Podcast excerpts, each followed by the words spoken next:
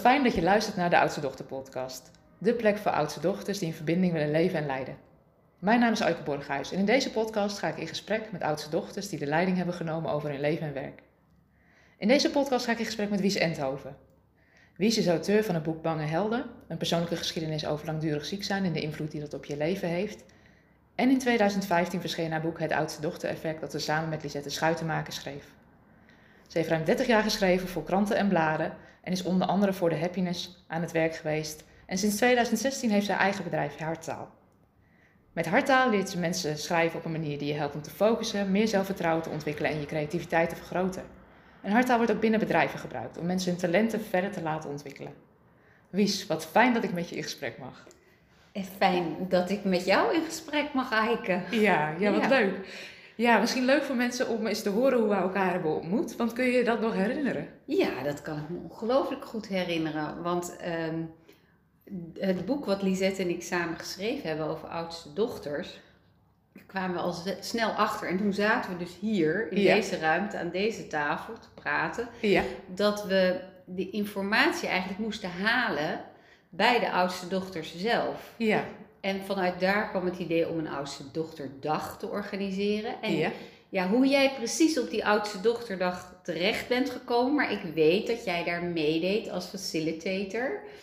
En eh, daar iets met een groep oudste dochters iedere keer deed. Ik, ik was zelf natuurlijk de aan het rondlopen en deed Ja. niet echt mee. Ja. En heb daarna alle informatie samen met Lisette bij elkaar geharkt. Om, om daar ons boek op te baseren. Maar ik weet dat jij heel gedreven bezig was met een papier. Ja. ja. En er zaten allemaal vrouwen de hele tijd omheen. En nou ja, sowieso vond ik die dag fantastisch. Ja. Omdat er zoveel herkenning was. En ehm, ook iedereen begon meteen eigenlijk te praten over hoe het is om een oudste dochter te zijn. Ja. En, en jij en alle andere mensen die meewerkten, Ja. waren oudste dochter. Ja. Dus dat was ook wel echt grappig daaraan. En leuk en bijzonder. Dus daar, daar herinner ik me jou van. Maar ja, we hebben het wel over, wanneer was het? 2014. 14, ja. Ja. Dus dat is wel een tijdje geleden. Ja, dus het is acht jaar geleden dat we Ja. elkaar voor de laatste keer hebben Ja, gezien. ik denk het wel. Eike. Ja. ja. Ja. Ja. Ja. nee, want Pamela heeft mij toegevraagd. Pamela heeft samen met jullie die Oh, dag georganiseerd. via Pamela. Ja, ja, en ik werkte toen bij haar als collega bij de woningbouw. Ja, oké. En toen zei ze, we gaan wat leuks organiseren, wil je helpen? Ja, En achteraf gezien heb ik op dat moment nooit het idee gehad hoeveel impact die dag achteraf gezien heeft gehad op mijn leven. Maar dat Oh, kun je echt? eigenlijk pas achteraf kun je die, eh, die verbinding leggen. hè? Ja. Dus dat is zo mooi. ja.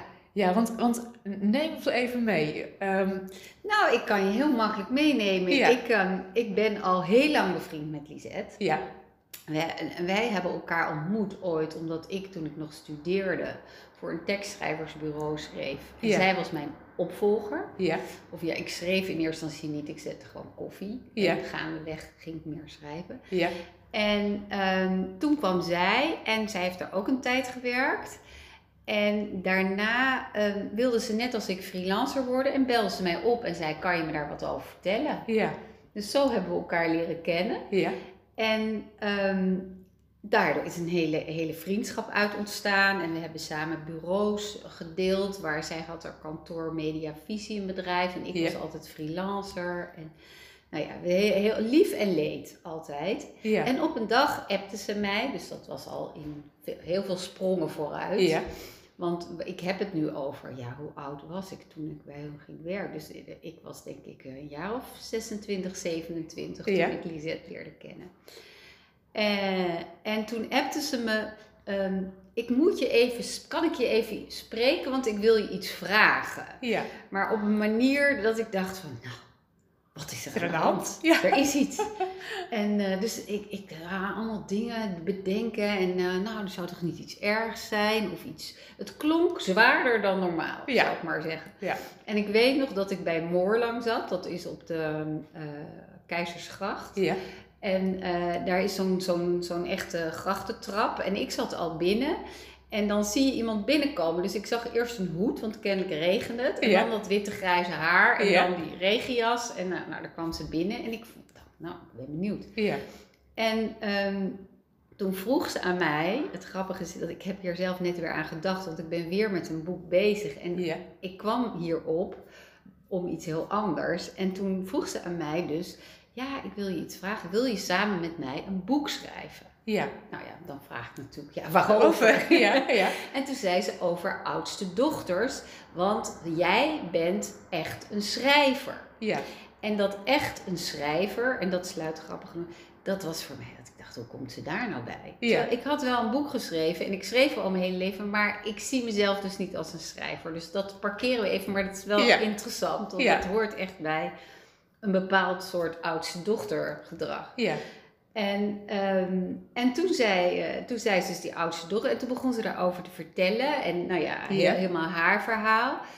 En ik had daar eigenlijk nooit zo bij stilgestaan, als ik heel eerlijk ben. Nee. Dat ik een oudste dochter was. Dat is ook vrij typerend voor oudste dochters. Dat ze daar niet zo bij... Ja, weet je, dat, dat is... Je, je familieomstandigheden zijn je familieomstandigheden. En je gaat niet als kind eh, daar enorm... eh, of ook al niet, niet als puber enorm over nadenken. En daarbij is het ook altijd nog wel een beetje een soort van omstreden onderwerp. Hè? Ja. Dat, dat, dat je ook kunt denken van ja, dat enorme hè, oudste, jongste, middelste. En om Ja. daar van die etiketten op te gaan plakken. En veel ontwikkelingspsychologen zijn daar huiverig voor. Ja. Omdat onderzoek best ingewikkeld is. Kan je je voorstellen hoe, hoe helemaal nu met al die samengestelde families. Ja.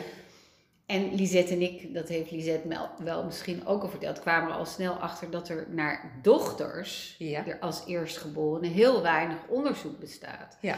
Veel meer jongens. Eh, Ja. en eh, dus we, ja, daarom kwam dus die oudste dochterdag waar we het net over hadden. Ja. Nou goed, en ehm, nou, volgens mij heb ik geloof, geloof ik wel meteen ja gezegd. Maar Ja. ik was dus heel erg bezig met echte schrijver, echte schrijver. En eigenlijk helemaal niet zo met oudste dochters. En, ehm, en ik dacht, nou ja, zij heeft een idee en we zien wel. Ja. Ja. En toen zaten we hier en Ja. toen zei ik, ja, maar we moeten er boeken over lezen. En we moeten, weet je, ik begon het een beetje aan te pakken als, als ik de hele tijd artikelen Ja. aan het schrijven. En we moeten mensen interviewen en zo. En Lisette zei juist, nee, het moet uit ons komen. Ja. Nou, uiteindelijk hebben we natuurlijk allebei gedaan. We hebben boeken gelezen, we hebben Ja. mensen gesproken en we hebben informatie gekregen van 100 oudste dochters. Nou ja, hoe gaaf is dat? Ja, prachtig. Ja. Ja, dat was Ja. ook een hele bijzondere dag. Dat, dat kan ik me ook nog herinneren. Maar ook wel heel mooi. Weet je, jullie hebben dan allebei ook echt een andere aanpak. En die hebben jullie samengebracht in het schrijven van dat boek. Ja, Dus Ja. jullie zijn echt twee hele eigen ja. vrouwen. Twee Ja. oudste dochters. Hoe, hoe is dat proces van dat boekschrijven samengegaan? Dat was eh, interessant.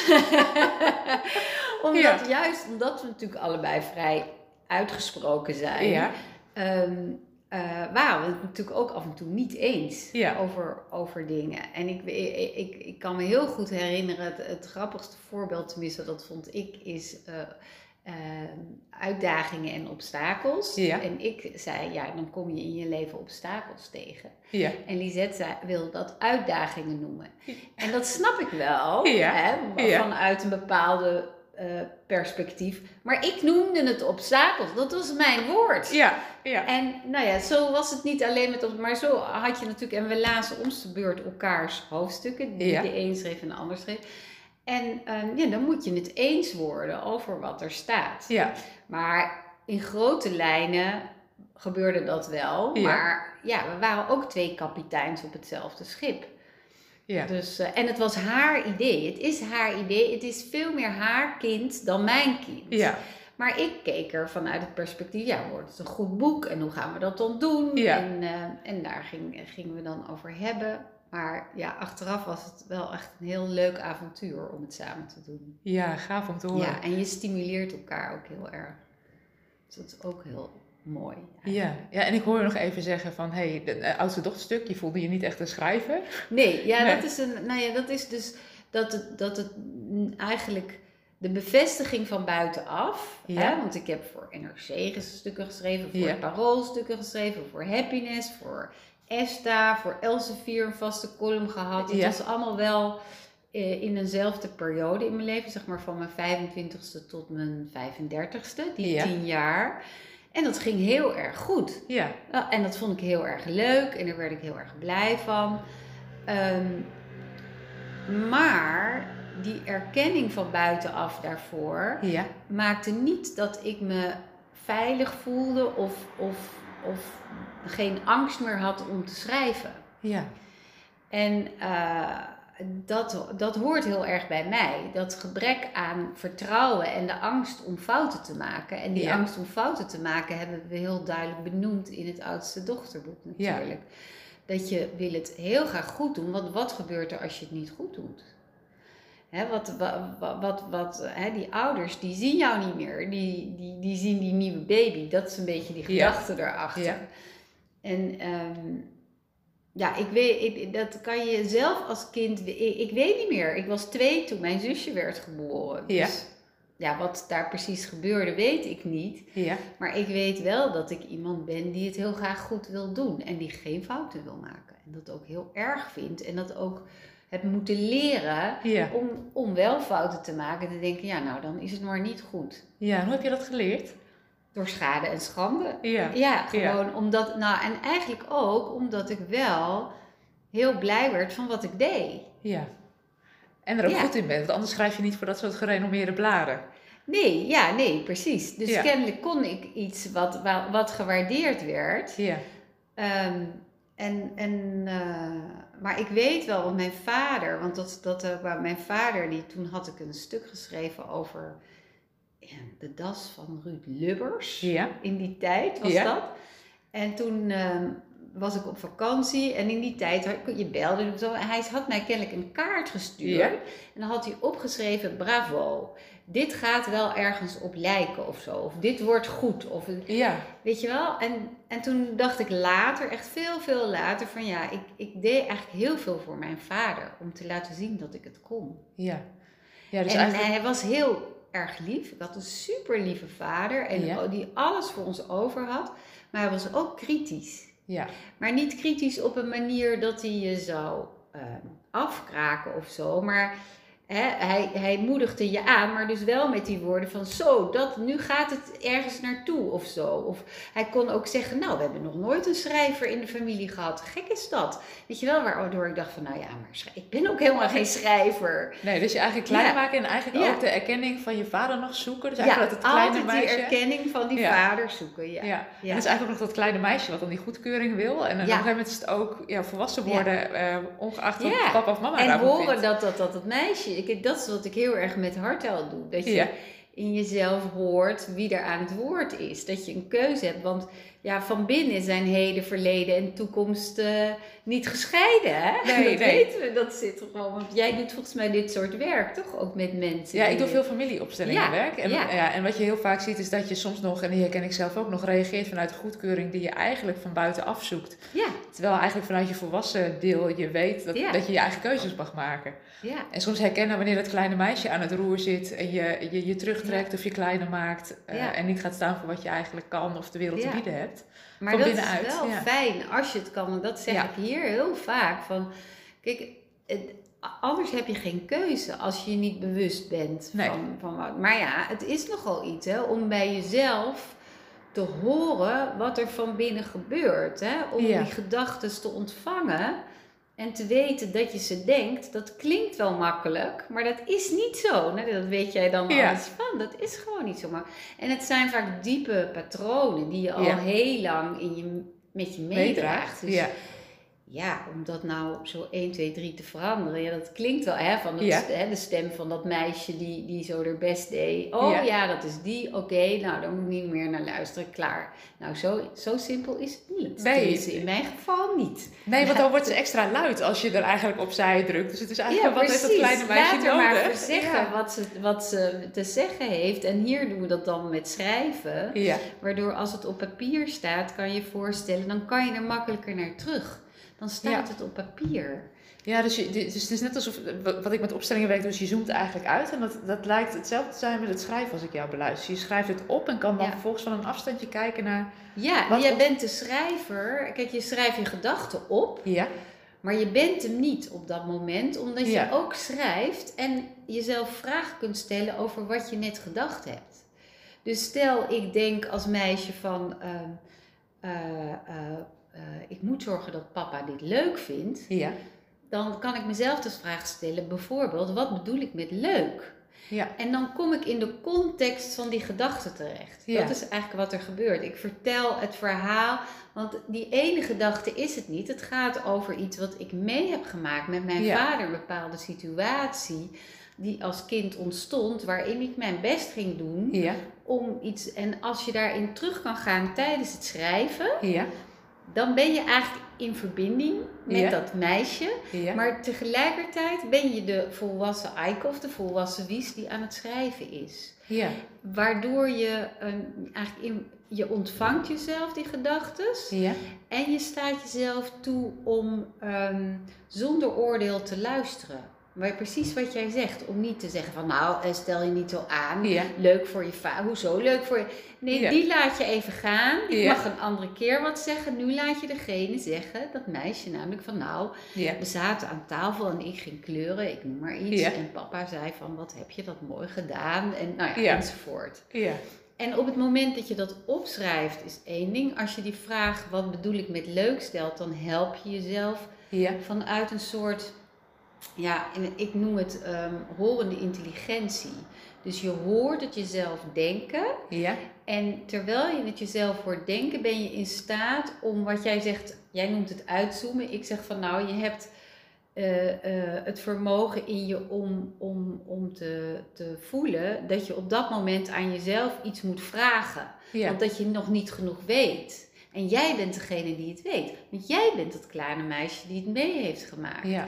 En er is ook niemand anders die het jou kan vertellen. Jij hebt die informatie in je. En, ehm, en wat ik altijd merk is als dat dan eenmaal lukt Ja. en het staat op papier en mensen moeten het dan ook hardop voorlezen. Ja.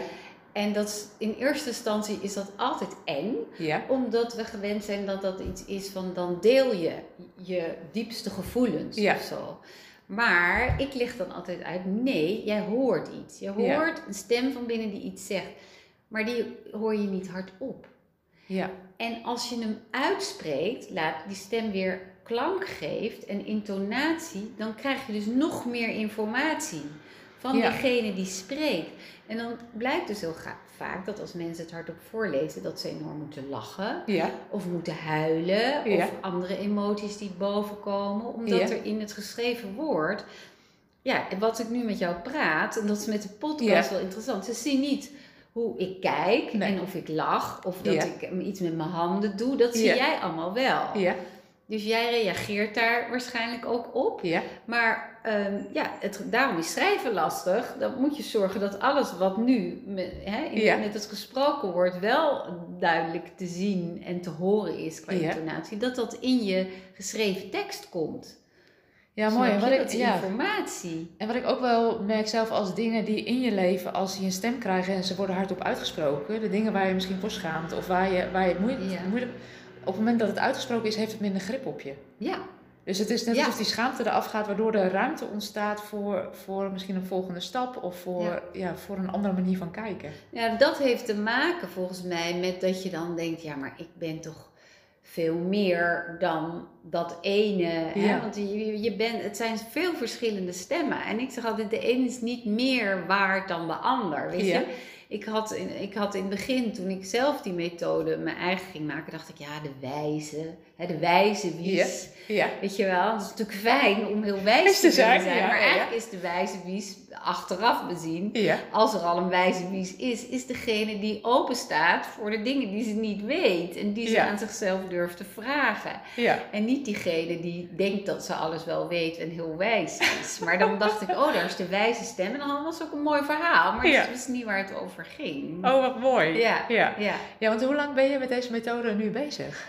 Nou, ehm, hoe, ik ben er in 2015 heb ik het boek gelezen. Het was Ja. eigenlijk vlak nadat het oudste dochter effect verschenen was. Ja.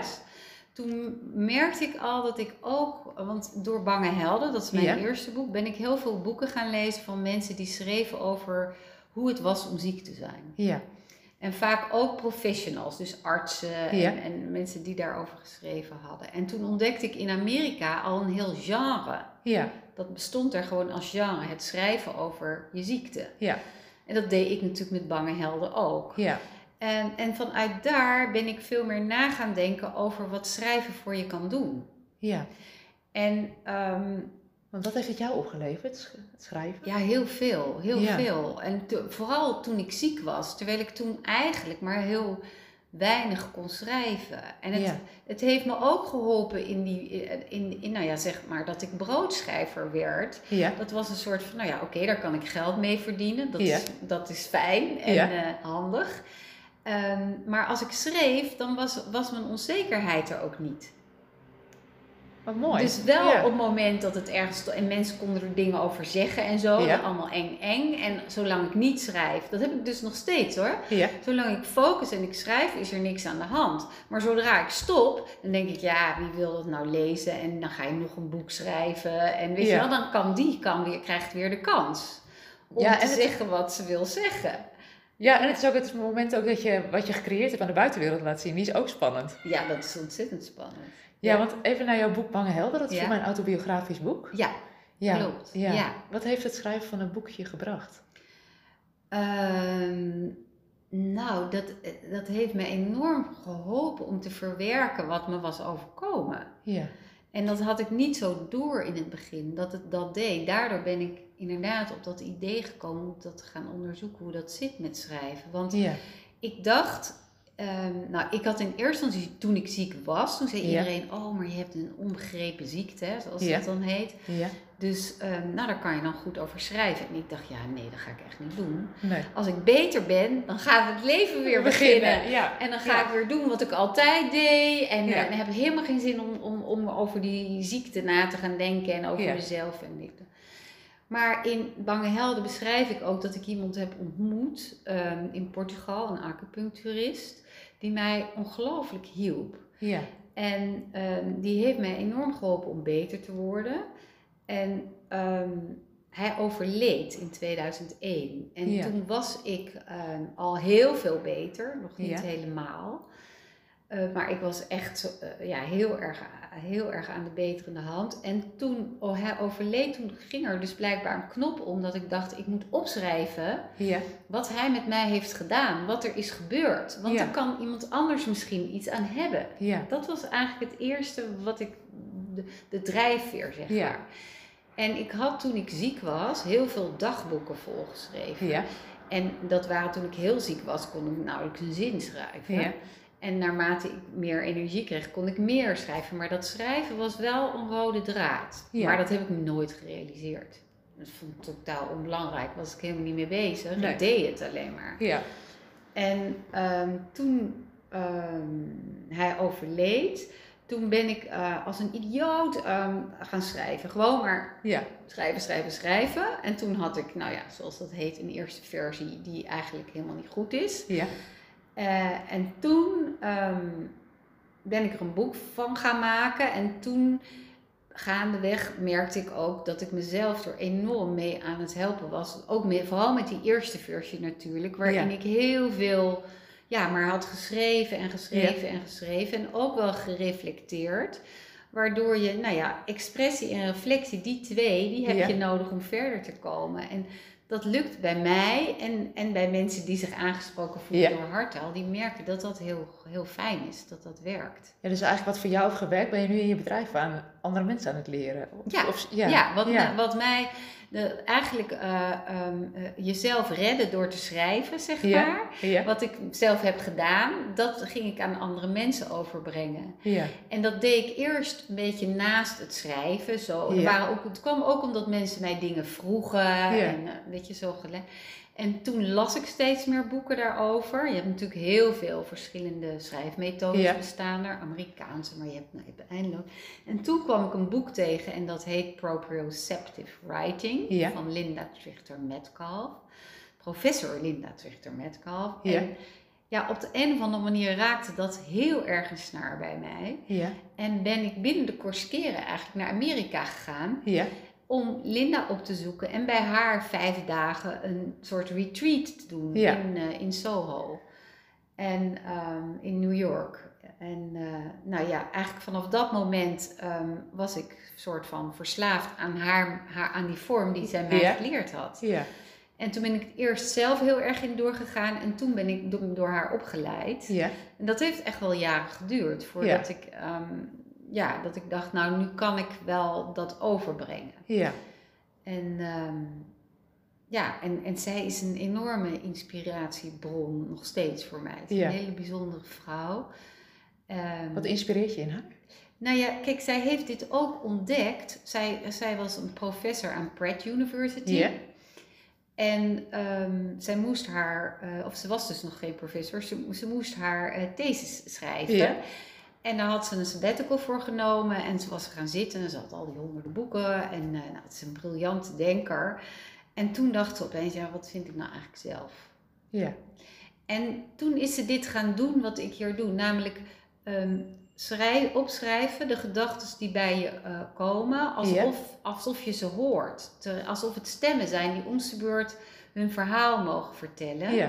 En daar tegelijkertijd ook eh, over nadenken als het er stond. Van, oh, Ja. wat heb ik nou opgeschreven? En dat ze ontdekte in zichzelf dat ze een, een hele boze stem had. En een Ja. hele, ehm, hele retorische stem die allerlei dingen verkondigde waarvan ze zelf dacht van ja, wat bedoel ik er nou eigenlijk Ja. mee? Dus zij heeft die methode en, ze, en het kwam ook omdat zei, ja, ik was ook een soort desperate, wanhopig, maar het was een gelukkige wanhoop. Het Ja. was niet een wanhoop van, ik wist, ik moet gewoon maar dit gaan doen. Ik moet gewoon maar dat schrijven gaan doen Ja. en ik zie wel wat er komt. En toen heeft ze natuurlijk, eh, ja, omdat ze ook verbonden was aan de universiteit, heeft Ja. ze het eh, in een bepaalde vorm gegoten met een Ja. ritueel daarbij. En is ze het gaan testen op de studenten die ze toch al les gaf. Ja. De literatuurstudenten die allemaal schrijver wilden worden en allemaal dachten dat ze dan iemand moesten kopiëren. Ja. Een grote schrijver in plaats van dat ze durfden om te vertellen over wat er in hun eigen leven gebeurd was. En dat misschien in een roman te verwerken, want dat dat Ja. eigenlijk het interessante was. En niet het kopiëren van eh, Proust of eh, Ja. ehm, een andere grote schrijver. Het is Dus- eigenlijk wel heel mooi wat je benoemt. Want Ja. eigenlijk, weet je, als, als docent aan de universiteit leer je natuurlijk ook onderzoek doen, eh, informatie van Ja. buiten naar binnen te halen, dat te verbinden. En eigenlijk Ja. heeft ze ontdekt van ja, maar weet je, er zit heel veel informatie in mij. En hoe breng ik die werelden bij elkaar? Ja, zij heeft die werelden heel mooi bij elkaar gebracht. Ja, Ja, dit is wel een ontdekkingsreis die ik heel veel oudste dochters ook zie doen. Van eerst heel veel leren v- van kennis van buiten naar binnen, voldoen aan de verwachtingen van anderen. En op een gegeven moment voelen, ja, maar weet je, nu ben ik zo trouw aan anderen dat ik eigenlijk niet zo goed meer weet wie ik zelf wil. En, en dan eigenlijk allemaal de beweging naar binnen maken, wie ben ik en wat wil ik. ja. Is dat een herkenbare beweging? Nou, dat weet ik niet. Zij is geen oudste dochter. Nee. Dus Nee. ik weet niet of je dat alleen aan oudste dochters toe kunt kennen, maar dat het goed willen doen voor de buitenwereld, Ja. dat is natuurlijk wel ja, dat presteren en Ja. laten zien dat je iets kan. Hè? Ja. En dat jij dat flesje wel kan geven als Ja, driejarige ja, aan je- baby. Ja, ja. En dat, hè, en dat je zelf je jasje dicht kan knopen als, als je moeder dat vraagt. Ja. Dat, dat is natuurlijk wel waar oudsten eh, ja, door gevormd zijn, veel oudsten. Ja. Dus, dus ehm, ja, ik, ik durf niet zomaar hard te beweren dat dat altijd het pad is wat de oudsten gaan.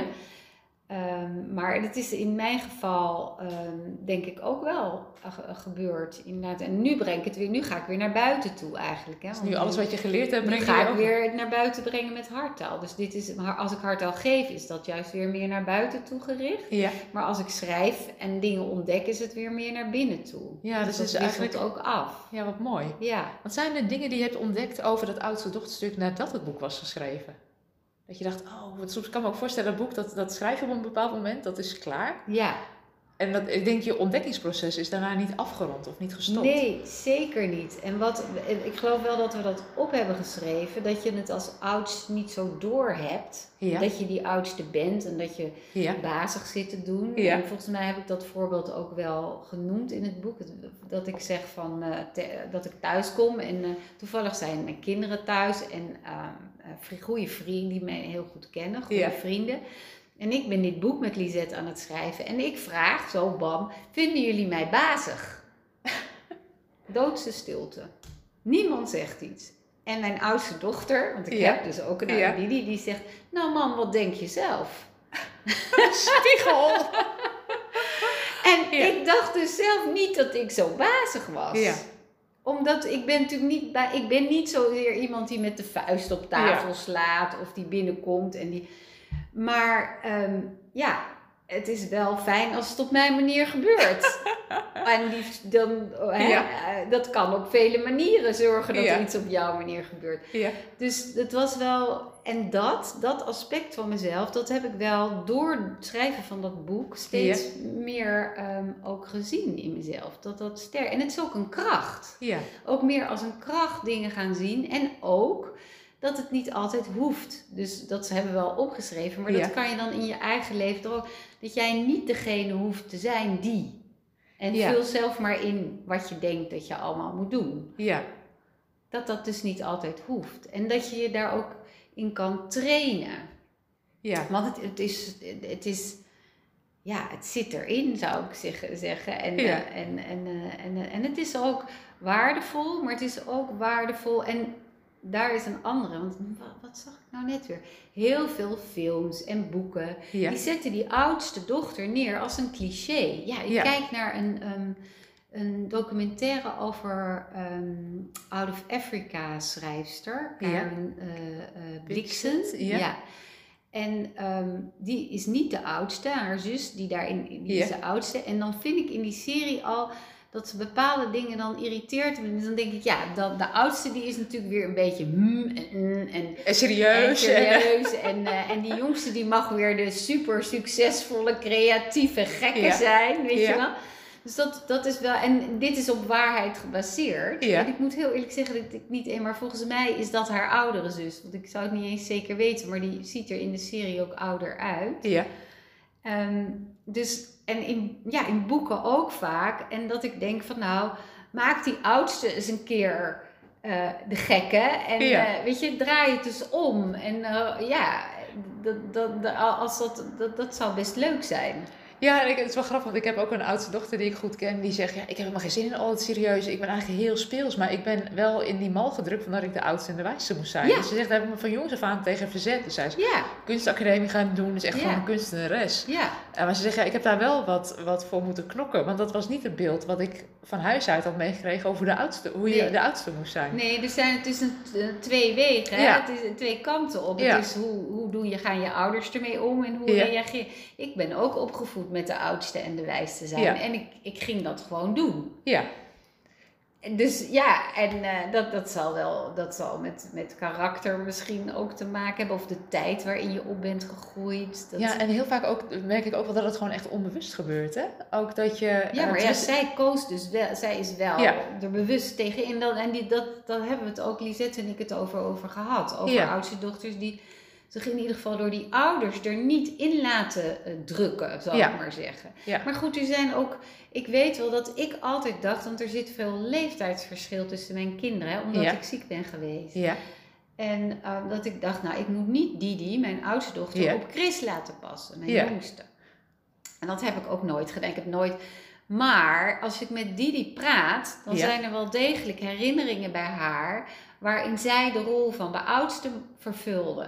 Ja, dus wat ik heel vaak zie is dat het ook helemaal niet een vraag is van ouders, maar dat het ook bijna ehm, een, een gat is of een behoefte is die, die kinderen of oudste dochters denken te zien en daarna gaan handelen. Terwijl het helemaal. misschien ook wel doen. Ja, Ja. maar ja, ook toch, want het schijnt dan toch, dat, dat wist ik dus niet meer, Ja. dat ik me omdraaide bij het zwembad. Ja, En dus onbewust wist van Didi is bij Chris, die toen eh, Ja. een jaar was en kon verdrinken. En Ja. kon al zwemmen. ja, Dus ehm, dat je onbewust toch vertrouwt op die oudste die ouder is. ja, En, en, dat ik, en terwijl ik nooit zou zeggen van nou wij gaan even weg, jij moet op Chris pas. Ja, pas veel later Ja. toen Chris eh, eh, 14 of 15 was. Ja. En dat ik dacht nou het is wel fijn als ze samen zijn. Ja. En eh, weet je wel. Maar dan, dat, dat was heel grappig, want dan zei Didi tegen mij van... eh, dan dacht ze, want zij was altijd zo van ze wou niet naar bed en laten. En Chris is een enorme slaper, dus Ja. die ging gewoon ook op tijd naar bed als Didi er was en zo. En die had helemaal niet eh, iets Ja. keten of... eh, ja, dat is wel grappig. Maar het, ehm, het, het, het, je, je kind als een oudste behandelen kan Ja. heel onbewust door ouders ook gebeuren natuurlijk. Ja. Dat, eh, en inderdaad, hoe die oudste zelf kan, kan er ook op reageren. En Maar dat oudste en wijste zijn, dat heb ik hopelijk nooit gezegd. Nee, nee, dat, is wel grappig, want daar ben ik me door dat boek ook heel bewust van. Dus dat hebben wij tegen onze oudste dochter ook nooit gezegd. En toch pakt ze makkelijk verantwoordelijkheid. Ja, maar En- mijn jongste dochter ook. Ja, Die is ook heel. En nou kan dat ook weer, want er is ook een hele theorie over de afstand die er zit tussen het de leeft- geboorte. Ja. Hè? Dus er zit bij mijn kinderen vijf en een half jaar tussen. Ja. Dus dat, dat is best een groot verschil. ja, En bij mijn zusje zit maar eh, net twee jaar. ja.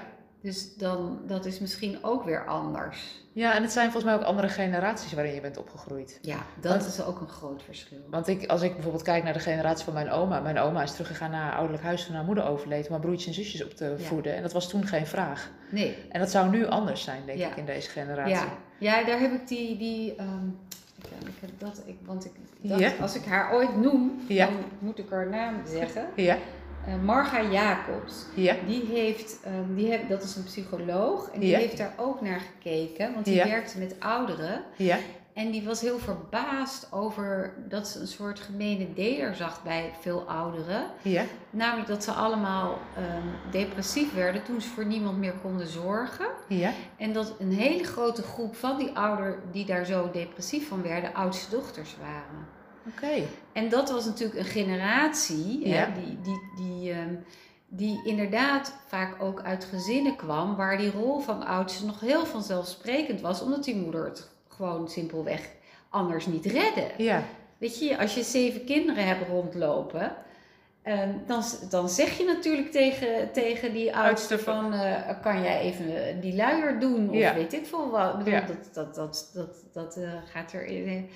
Dus zij ontdekte daar iets in en is daar verder naar gaan kijken. En het, het leukste van haar verhaal vond ik dat ze dus daarover lezingen hield naar ouderen toe. Om Ja. ze, die daar ook bewust van te maken. Dat, Ja. dat hun jeugd misschien invloed kon hebben op dat ze dat nu, dat ze zich zo nutteloos gingen voelen als ze niet meer konden zorgen of, Ja. of, of die verantwoordelijkheid niet meer hoefden te nemen. En veel erger nog, dat ze vaak verguisd waren door hun eh, jongere broers en zussen, Ja. omdat die er zo genoeg van hadden. Van die zogenaamde moeder die altijd maar voor hun ging zorgen en alsof die dat allemaal wist en zo. ja, En, ehm, en de grap was, dan gaf ze zo'n lezing en toen op een goed moment vroeg iemand aan haar, ja, ben jij ook een oudste? ja. En toen zei ze ja, maar het is heel goed dat je dat vraagt, want dat heb ik me nooit gerealiseerd. Dus dat, en dat vond, daar moesten we samen Ja. heel hard om lachen, omdat het, dat zei ik je al eerder, dat je je dus daar niet zo bewust van bent. Dat je die Nee. oudste bent. Nee, want dat is ook wel wat ik terugkrijg.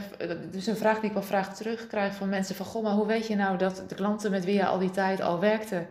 ehm, eh, dat het oudste dochters waren? Want eh, misschien Ja. goed voor, jou, voor jouw beeld. Want eh, na die oudste dochterdag ben ik me helemaal niet zo bewust geweest... van dat, dat, eh, dat daar toen een zaadje is geplant. Nee. Maar ik ben wel eh, vanaf 2012 met systemisch werk aan de gang gegaan. Familieopstellingen, organisatieopstellingen. En daardoor wist ik van eh, klanten vaak, ook van de Ja. vrouwen met wie ik werkte... welke plekken en Ja. posities in het gezin opnamen. Ja, En het heeft nog tot 2019 geduurd voordat ik me besefte dat de rode draad van, van de vrouwen met wie ik werk, dat Ja. dat oudste dochters zijn. oh echt waar. Ja, maar het waren, het waren de, de, ehm, ze herkenden zich in wat ik beschreef over veel verantwoordelijkheid dragen, dat ook goed kunnen. ehm, en op een gegeven moment merken dat het wel zwaar wordt en wat wil je eigenlijk zelf en dat niet zo goed weten. ja. Vaak veel aan het hoofd zitten, gericht op anderen, wat minder in verbinding met jezelf. En pas op het moment dat ik dat ontdekte in 2019 ben ik dat eigenlijk gaan omarmen. Maar mijn eerste reactie was ook, ja, maar richt op oudste dochters, is helemaal, ze heeft helemaal geen zin, want die kunnen het allemaal wel zelf. Oh ja, ja, ja. Dus-. En toen zei, zei de coach die ik toen had, ja, maar je werkt al met ze. En toen dacht ik, verrek. Ja, dus als, ja, en wat, wat die oudste dochter zo leuk maakt, vind ik, dat als ze eenmaal in de gaten hebben dat het anders kan, ja. dat ze die reis naar binnen maken, hun eigen plek gaan eh, innemen, Ja. keuzes gaan maken, ja, dan boeken ze ook zo snel resultaten. Dus dat vind ik zo mooi om te zien. ja, ja, ja. Maar als je terugkijkt naar het verhaal over, over die dame, over dat niet meer kunnen zorgen, dat was natuurlijk ook de generatie van ouderen die, die ook altijd in die, ja, die vrouwelijke verzorgende kwaliteiten daarop Ja. werden gewaardeerd. Ja, ja dat, dat, dat was hun bestaansrecht, zeg maar, min of meer. Of ook hele schrijnende verhalen. En jij vertelt dat dan net ook, dat iemand eigenlijk al zijn eigen leven aan het leiden is, een vrouw. Maar dat ze gewoon weer teruggaat Ja, terug naar gaat dat in wat, in wat er verwacht wordt. Ja. ja. Ja, Ja. Nou ja, dat, dat hopelijk, nou ja, dat krijg je natuurlijk met kleinere gezinnen is dat sowieso natuurlijk anders. Ja, dat klopt. En de generaties zijn nu heel anders. Dus we Ja. hebben wat dat betreft als vrouwen nu ook veel meer keuzes Ja. dan dat onze moeders dat, eh, dat hadden. Ja, want jij bent op een gegeven moment, ben jij altijd al zelfstandig aan het werk geweest? Of ben jij op een gegeven moment echt hardtaal begonnen? Want je zei, ik ben ook wel freelancer geweest. Ja, ik, ben, nou ja, ik, ik, ik, ik, heb, nooit, eh, ja, ik heb ooit op een middelbare school Nederlands gegeven. Ja. Omdat ik eh, dat eh, gestudeerd had en dan had ik eh, een stage, Ja. didactisch. En toen ben ik daar les gaan geven. En toen wist ik al heel snel dat ik dat niet wilde blijven doen. Ja. Niet zozeer omdat ik lesgeven niet leuk vond. Dus Ja. dat klopt eigenlijk wel dat ik dat nu weer ben gaan doen. Maar ik had niet zoveel met zo'n middelbare school en, en, en die mensen die daar les gaven, die dan al hun boek gewoon in het kastje op school bewaarden. En die 's ochtends om half negen dat boek eruit haalden en dan begon het weer en zo. Ik dacht, oh nee, dit vind ik echt niet leuk. Ehm, en toen, ehm, eh, toen had ik natuurlijk wel eh, wat ervaring met schrijven, omdat ik Ja. voor dat tekstschrijversbureau had gewerkt. Ja. En ja, eigenlijk hoe ik dan precies begonnen ben, dat is het raar dat ik dat ook niet meer zo goed weet.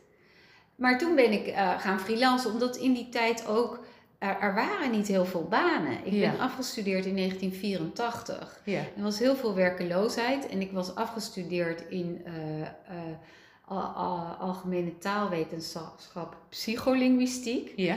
En ik had stage gelopen op een school voor, ook voor kinderen met een taalstoornis. En ja, daar kon ik wel komen, maar ze gingen me niet betalen, want er was gewoon geen potje voor. Ja. En ehm, dus toen, toen dacht ik, nou ja, ik wil werken. Dus ik ben gewoon eh, eh, dingen gaan schrijven. En ik heb alles geschreven. Ik heb over banden van vrachtauto's geschreven. En over haarsprays. En over, nou weet ik niet. En gaandeweg ben ik meer, eh, ja, dus voor de kranten Ja. en de bladen in die wereld terechtgekomen. Ja. En, ehm, nou ja, en toen, toen ben ik ziek geworden. En toen Ja. kwam er echt een heel abrupt einde aan. Ja. Was het gewoon in één keer eh, klaar. Ja. En dat, ja, dat, ik weet, dat heb ik ook heel moeilijk gevonden. Want ja, een deel van mijn identiteit bestond uit, uit dat, do- dat werk doen. Uit wat je doet, Ja, in plaats uit- uit ja. wie je bent. Ja, uit wie je bent. Ja. Dus, dus want wat was je vraag nou ook alweer precies met je zei? Nou ja, want ik, eh, eh. Wat, ik, wat ik soms wel zie, maar dat, ik denk, dit is even de vraag of, of je dat herkent, van dat, we, ehm, dat het in de systemen soms ingewikkeld is, omdat we heel vaak wel weten hoe we het zelf willen hebben. Dus dat ik zie dat veel eh oudste dochters op leiderschapsposities hun werk doen, dus in Mhm. leidinggevende functies, of Mhm. dat ze voor zichzelf beginnen. ja En volgens nou mij ja, werk je dat- al heel lang voor Dat jezelf. klopt. Ik heb Ja. nooit, eh, ja, nee, ik heb altijd voor mezelf gewerkt. Ja. Altijd. Ja. Ja. Dus hardtaal was voor mij ook niet, dat was meer, ik geef er een naam aan, Ja. naar, omdat ik dat wilde. eh, eh, ik wilde dat uit gaan dragen. Ja. Ik wilde laten zien. En dat kwam ook heel mooi samen eigenlijk. Het schrijven wat ik altijd had gedaan. Ja. Het lesgeven wat ik, wat ik leuk vond. En Ja. wat ik ontdekt had door mijn ziekte. Namelijk dat schrijven je helpt. Ja, dus En dat is ook echt onderzocht. Hè? Er is heel Ja. veel onderzoek gedaan naar, naar geneeskrachtige werking van schrijven. Niet alleen mentaal, want dat, dat vinden mensen vaak nog voor de hand liggend. Maar het geeft ook fysieke resultaten. Je bloeddruk gaat omlaag. Er is zelfs een onderzoek gedaan naar wondgenezing, ja, waarbij het helpt. En dan is het wel belangrijk om te weten dat ehm, alleen maar, eh, dus het, het, het ochtends wakker worden en alles wat Ja. er komt opschrijven, ja, dat, dat, dat is op het moment zelf heel fijn. En dat kan ook helpen. Maar ehm, ehm, het, het, dat, je er werkelijk, dat het werkelijk helpt bij traumaverwerking, of dat Ja. nou grote of kleine trauma's zijn, dan heb je nodig dat je niet alleen dat doet, maar dat je dus ook gaat reflecteren. ja?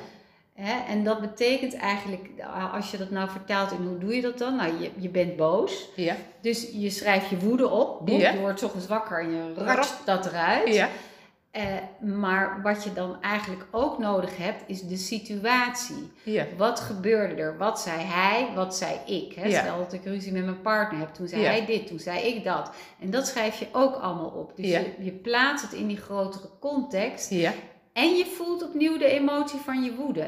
Alleen je, je hoeft er niet meer in te verdwijnen. ja, Doordat je, doordat je jezelf toestaat om erop te gaan reflecteren. ja, En die, die manier van schrijven, dus en Ja. teruggaan in de situatie en terug in je gevoel wat je op dat moment had, ja, dat, eh, heeft, heeft, eh, dat heeft meneer Pennebeker eindeloos onderzocht. Ja.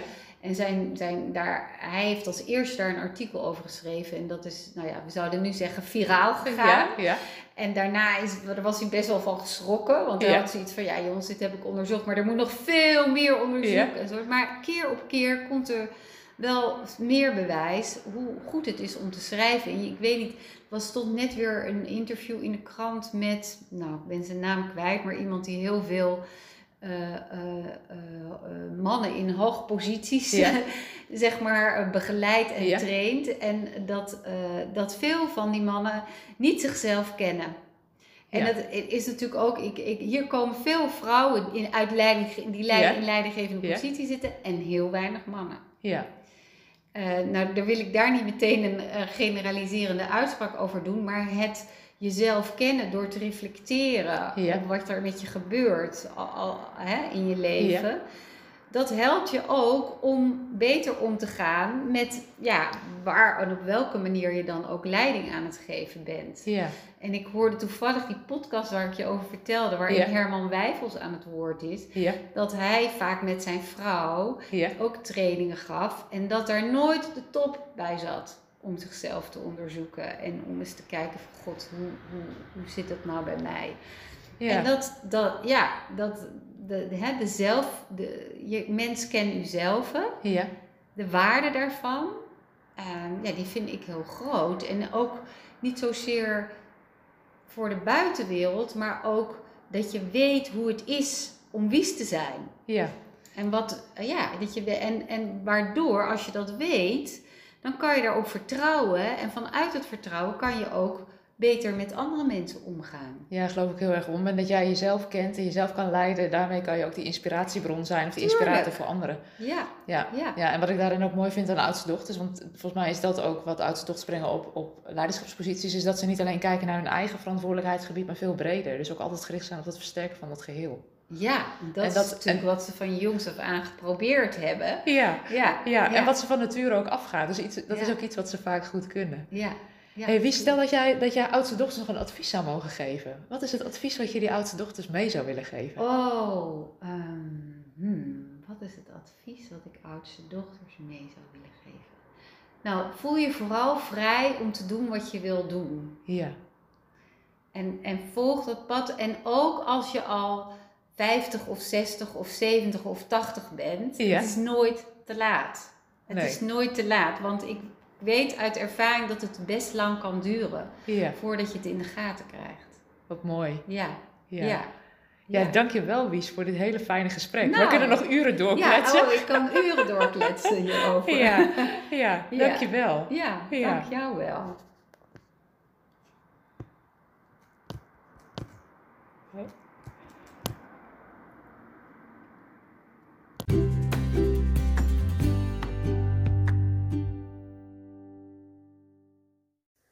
Wat fijn dat je hebt geluisterd naar de Oudste Dochter podcast. In deze podcast heb je kunnen luisteren naar een gesprek tussen Wies Endhoven en Aike Borghuis. Over het boek Het Oudste Dochter Effect dat ze samen met Lisette Schuitenmaker heeft geschreven. En we zijn in gesprek gegaan over wat zij doet in haar bedrijf Hartaal. Vond je deze podcast nou interessant en wil je geen aflevering meer missen? Abonneer je dan.